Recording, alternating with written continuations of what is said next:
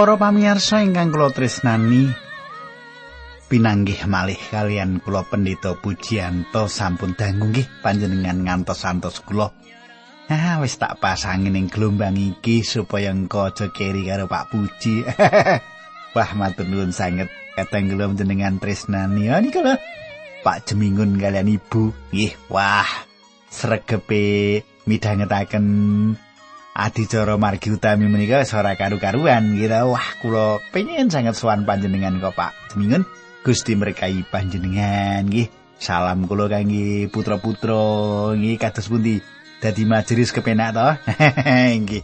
Nah, kadang kula ingkang kula tresnani kula penita pujianto badhe ngancani panjenengan sawetara sekdal wonten ing adicara margi utami. Sugeng midhangetaken adicara menika.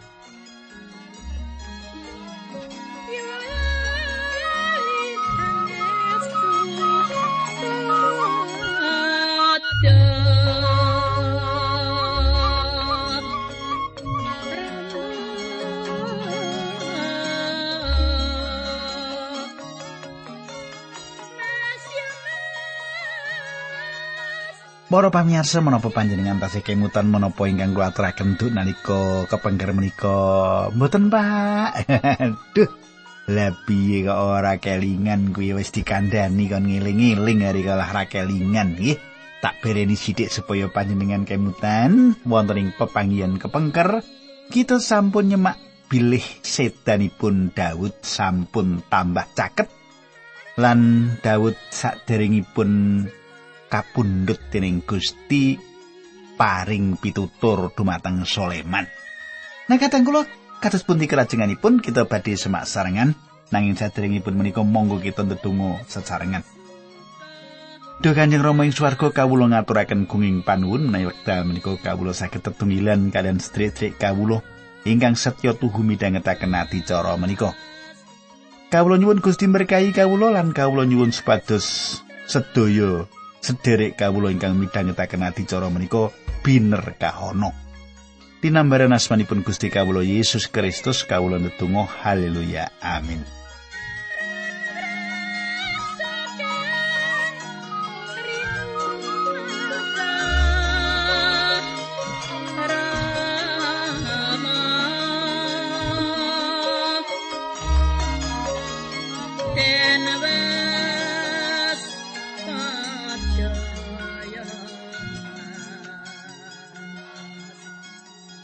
Pamirsa samenika pasinon kita lumebeting setunggal para raja kalih. Nggih. Setunggal para raja kalih kala wingi kula sampun masaken ayat setunggal ngantos kalih. Nah, samenika kula badhe nglajengaken ayat 3 lan sekawan mangke kula badhe nyukani keterangan-keterangan ingkang baku kangge gesang kula lan panjenengan. Makatan surah sing pangandikan ing basa pedinan nggih. Lakonana apa sing didhawuhake dening pangeran marang kowe Dawu-dawu lan pernatan-pernatane sing katulis sing kitabe Musa kabeh tindakno supaya kowe binerkahaning sak paran-paranmu lan ing sak penggawimu. Yen kowe ngestokake dawe pangeran panjenengane bakal netepi janjine ya kuwi anak turunmu bakal ngereh bangsa Israel Semono mau yen tansah padha nglakoni dawu-dawi kelawan setya lan kanthi ikhlas sing ati. Para pamirsa, Daud nyukani panjurung dumateng Soleman supados tetep cecaketan kalian Gusti lan tansah cecaketan kalian pangandikanipun. Pitutur menika saestu penting. Pitutur menika saestu penting supados Sulaiman cecaketan kalian Gusti lan pangandikanipun menika saestu penting. Menapa ingkang dipun paringaken Daud dumateng Sulaiman badhe dados jalaran piyambakipun dados salah setunggal raja ageng ing jagat. Eson ing salebetipun bukunipun New Bible Survey Jundervan Daftar warisan ingkang dipun sukaaken Daud dumateng Sulaiman ing antawisipun angka setunggal. Piyambakipun marisaken kepemimpinan bangsa saking keluarga Saul lan talar Benyamin dumateng talar Yehuda lan ngedekaken keluarga kerajaan Daud. Perkawis menika dados saestu penting ing wekdal kita mlebet ing salebetipun perjanjian inggal namung setunggal tiang turunipun Daud ingkang badhe nglenggahi dampar keprabonipun Israel. Angka kalih Piyambakipun ngedekaken Israel minangka kita suci lan minangka punjering agami lan ibu kota bangsa kanginipun sedaya tiang Yahudi. Yerusalem satunggalipun kitha karmananipun Daud lan piyambakipun andadosaken kitha menika dados ibu kotanipun Israel. Soleman bangun pedalamanipun Allah lan andadosaken kitha menika dados punjering agami bangsa Israel. Angka tiga piyambakipun ngesahaken ngicali pangibadah dumateng Brahola. Lan piyambakipun ngedekaken pangibadah dumateng Sang Yehowah ingkang asipat umum ing tanah Israel. menapa ingkang dipun tindakaken menika sumbangan ingkang saestu penting sanget. Angka sekawan. Piyambakipun jembaraken wates negari ngantos dumugi Mesir ing sisih kidul lan kali Efrat ing sisih ler lan wetan. Daud saged ngrebat bangsa ingkang kedah bayar sosok bulu bekti glondong pengareng-areng dumateng Israel lan rajanipun jaman tentrem sadangunipun Sulaiman dados panguwaos awit Daud sampun ngawonaken para mangsaipun. Gangsa neningkahanipun Daud kalian wanita-wanita monco saperangan ageng asipat politik lan boten saged kapesthekaken piyambakipun kauwalaken saking kahanan ingkang agaminipun bobrok lan bobrok ing moral. Nanging Gusti Allah boten ngeparengaken gesangipun Daud kanthi gadah kata istri lan malah awit saking semah-semahipun menika Daud ing salebetipun kahanan ingkang bebayani. Kata lari jalar ingkang dipun saking wanita, wanita menika ingkang dados jalaran cecongkran terus ing kratonipun. Lelaman menika andadosaken gesangipun Daud prihatos. Panci Daud nindakaken satunggalipun dosa ingkang gegirisi nanging menika dumados saderengipun ningkah kalian Batseba. Angka 6 Daud menika tiang ingkang saged damel geguritan lan tiang ingkang saged main musik ingkang dipun remeni tiang minangka tiang ingkang damel masmur ingkang dipun remeni ing Israel lan nyukani dumateng kita paling boten wonten tiga Mazmur. Angka pitu, Daud gadah rancangan bangun pedalamanipun Gusti Allah supados saged ngibadah dumateng Sang Yewah. Sinaosa piyambakipun boten dipun idini kangge bangun pedalamanipun Gusti Allah menika. Angka 8 Sinaosa tasih wonten unggul-unggulan ing antawisipun sedasa talar sisih ler lan talar Yehuda lan Benyamin ing sisih kidul ingkang dumados wiwit pecahipun Saul lan larinipun Daud mboten nglampahi kangilan ingkang saestu ing salebetipun nunggalaken sedaya talar bangsa menika lan damel Yerusalem minangka ibu kota nasional. Angka sanga ing wedal Daud pecah Israel dados bangsa ingkang paling kuwaos sing perangan keprajuritan lan tiang nglampahi jaman tentrem lan kebebasan saben tiang saged lenggah ing sangandhapipun wit anggur lan wit aranipun piyambak. Katentreman dipun rasaken Sulaiman ing jaman pemerintahan satunggalipun jaman tentrem ingkang sampun dumados ing jaman gesangipun. Katanggula kita lajengaken kalih raja bab kalih ayat 8 lan 9. Dene Simai bin Gira sing asali saka Bahurim wilayah Benyamin welingku mengkene nalika aku lunga menyang Mahanaim Simai kuwi kebangetan nggone nyepatani aku nanging bareng aku ketemu karo dheweke ing Kali Yarden, aku wis sumpah demi Allah yen dheweke ora bakal ndak pateni. Mung welingku wong mau aja dibebasake saka hukuman, aku ngerti yen kowe wong wicaksana mulane ngerti carane gawe patine wong mau. Para pamirsa, Sinau Simei sampun ngetingalaken bilih piyambakipun menika pengkhianat nanging awit Daud sampun sumpah mboten badhe menapa-menapaaken. Pramila Simei tetap gesang. Daud tansah nyepengi janjinipun nanging samenika piyambakipun sanjang dumateng Soleman supados terus ngawasi Simei lan menawi piyambakipun ngetingalaken nakali penawon. Soleman kedah tumindak selaras kalian menapa ingkang dipun tindakaken. Ayat sedoso ngantos kali welas. Daud nulis sedo lan disareke ning kutane Daud Nggone jumeneng raja ing Israel lawase patang puluh tahun, pitung tahun dedalem ing Hebron lan telung puluh telu tahun ing Yerusalem. Sulaiman jumeneng raja ngenteni Daud, panguasane raja Sulaiman gedhi banget. Para pamirsa, Sasampunipun bapakipun tilar donya Sulaiman minggah ing dampar keprabon. Bab kalih ayat telulas ngantos kawan las. Ing sawijining dina Adonia suwan marang Betseba. Betseba ndangu mengkene apa suwanmu nggawa kabar becik. Wangsulane Adonia inggih. Banjur matur meneh, wonten perkawis ingkang badhe kula suwun saking ibu, pandangune Betseba, apa sing arep kok suwun? Katang kula sinaosa Sulaiman sampun minggah ing dampar keprabon Adonia dereng ngracut pepinginanipun dados raja. Piyambakipun sowan dumateng Batseba kanthi pikiran ingkang makaten menika. Ayat kang 11 ngantos 17. Adonia mangsuli ibu pirsa bilih ingkang dados raja menika lersipun kula.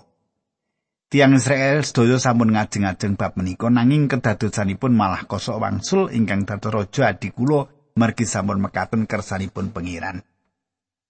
Samenika kula gadah panyuwun saprakawis kemawon, mugi sampun ngantos panjenengan tampi.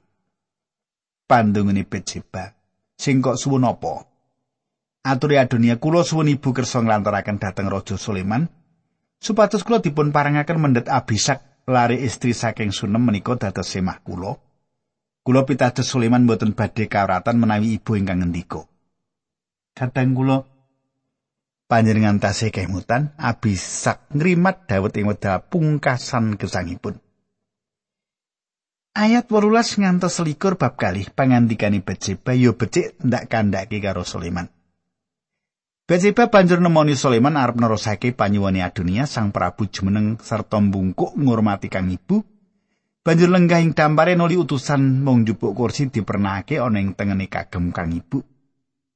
Betseba banjur ngendika aku arep nembuk perkara sepele karo sliramu, muga-muga aja kok tampik. Atur Sulaiman, perkawis menapa bu kula mboten badhe nampik. Pangandikane Betseba, Adonia sedulurmu kepengin ngepek bojo abisak. Kadang kula panyuwunipun Adonia menika satunggalipun panyuwun ingkang bebayani. Nanging Adonia mangertos bilih Sulaiman boten badhe nampik menapa kemawon ingkang dipun sanjangaken ibuipun. Inggih menika sebabipun piyambakipun kisah dateng Betseba lan boten kisah langsung dateng Sulaiman. Ayat 13 ngantos ayat 13 atur Sulaiman. Kenging menapa ibu mundut perso perkawis mekaten dateng kula? Menika sami kemawon kalian ibu mundut supados kula nyukakaken damparing keprabon menika dhateng piyambakipun. Piyambakipun rak kakang kula menapa malih iman Abiatar lan juga pihak dhateng piyambakipun. Sawise ngendika mengkono Sulaiman banjur sumpah demi Allah mugi-mugi Allah ngukum dhateng kula menawi adunia mboten kula pejahi mergi panyuwunipun menika.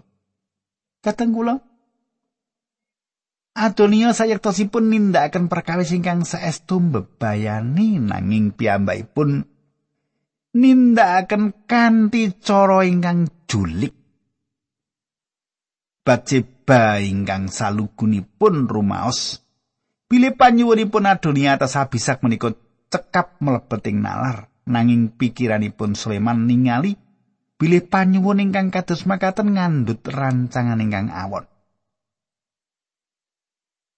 Soleman saged maos batin manahipun Adonia. Inggih menika pilih Adonia dereng ngrucat pepinginanipun kepingin dados raja. Ateges sejatosipun batin manahipun Adonia menika tasih gadah rancangan piye carane supaya iso nglenggahi dampar keprabon. Tagasipun adonia sejatosipun ing batin manahipun balelo dumateng raja Sulaiman. Kita lajengaken ayat patikur ngantos selawi. Gusti Allah sampun nyantosake nenggen kula dados raja ngentosi bapak kula Daud. Gusti Allah sampun netepi janjinipun lan sampun maringaken damparing kraton menika dhateng kula turun temurun kula sumpah demi Allah. Biling dinten menika ugi adonia kedah pecah. Raja Sulaiman nuli paring dawuh marang Benaya sing didhawuhi yo nuli mangkat mateni adonia. Para pamirsa, sedangunipun adonia tasih gesang piyambakipun badhe mboten mandhek anggenipun budidaya ngrebat dampar keprabon menika. Sesampunipun nyingkiraken Adonia, Sulaiman ngrumaosi bilih piyambakipun perlu nyingkiraken tiang-tiang kang sampun nyengkuyung Adonia. Ayat 6 likur, pitu likur, mekaten pangandikan Gusti. Sawise mengkono Raja Sulaiman nuli ngendika marang Imam Abiatar, kowe baliyo menyang panggonan asalmu ing Anatot. Sejatine kowe pantes dihukum pati nanging dina iki aku ora arep mateni kowe sebab nalika kowe isih bebarengan karo bapakku kowe melu ngrasakake sake loro lapani bapak. Abiatar banjur dilereni dening Sulaiman saka nggone dadi imam. Nganggo cara mengkono Sulaiman ngleksanani apa sing dingendikake dening pangeran ana ing silo bab Imam Eli lan anak-anake. Para pamirsa, satunggal tunggalipun jalaran kenging menapa Abiatar mboten dipun patrapi paukuman pecah inggih menika awit kasetyanipun dumateng Daud. Ing jaman pambalilanipun pemberontakanipun Absalom. Kanimakaten garis turunipun Eli rampung wonten ing mriki.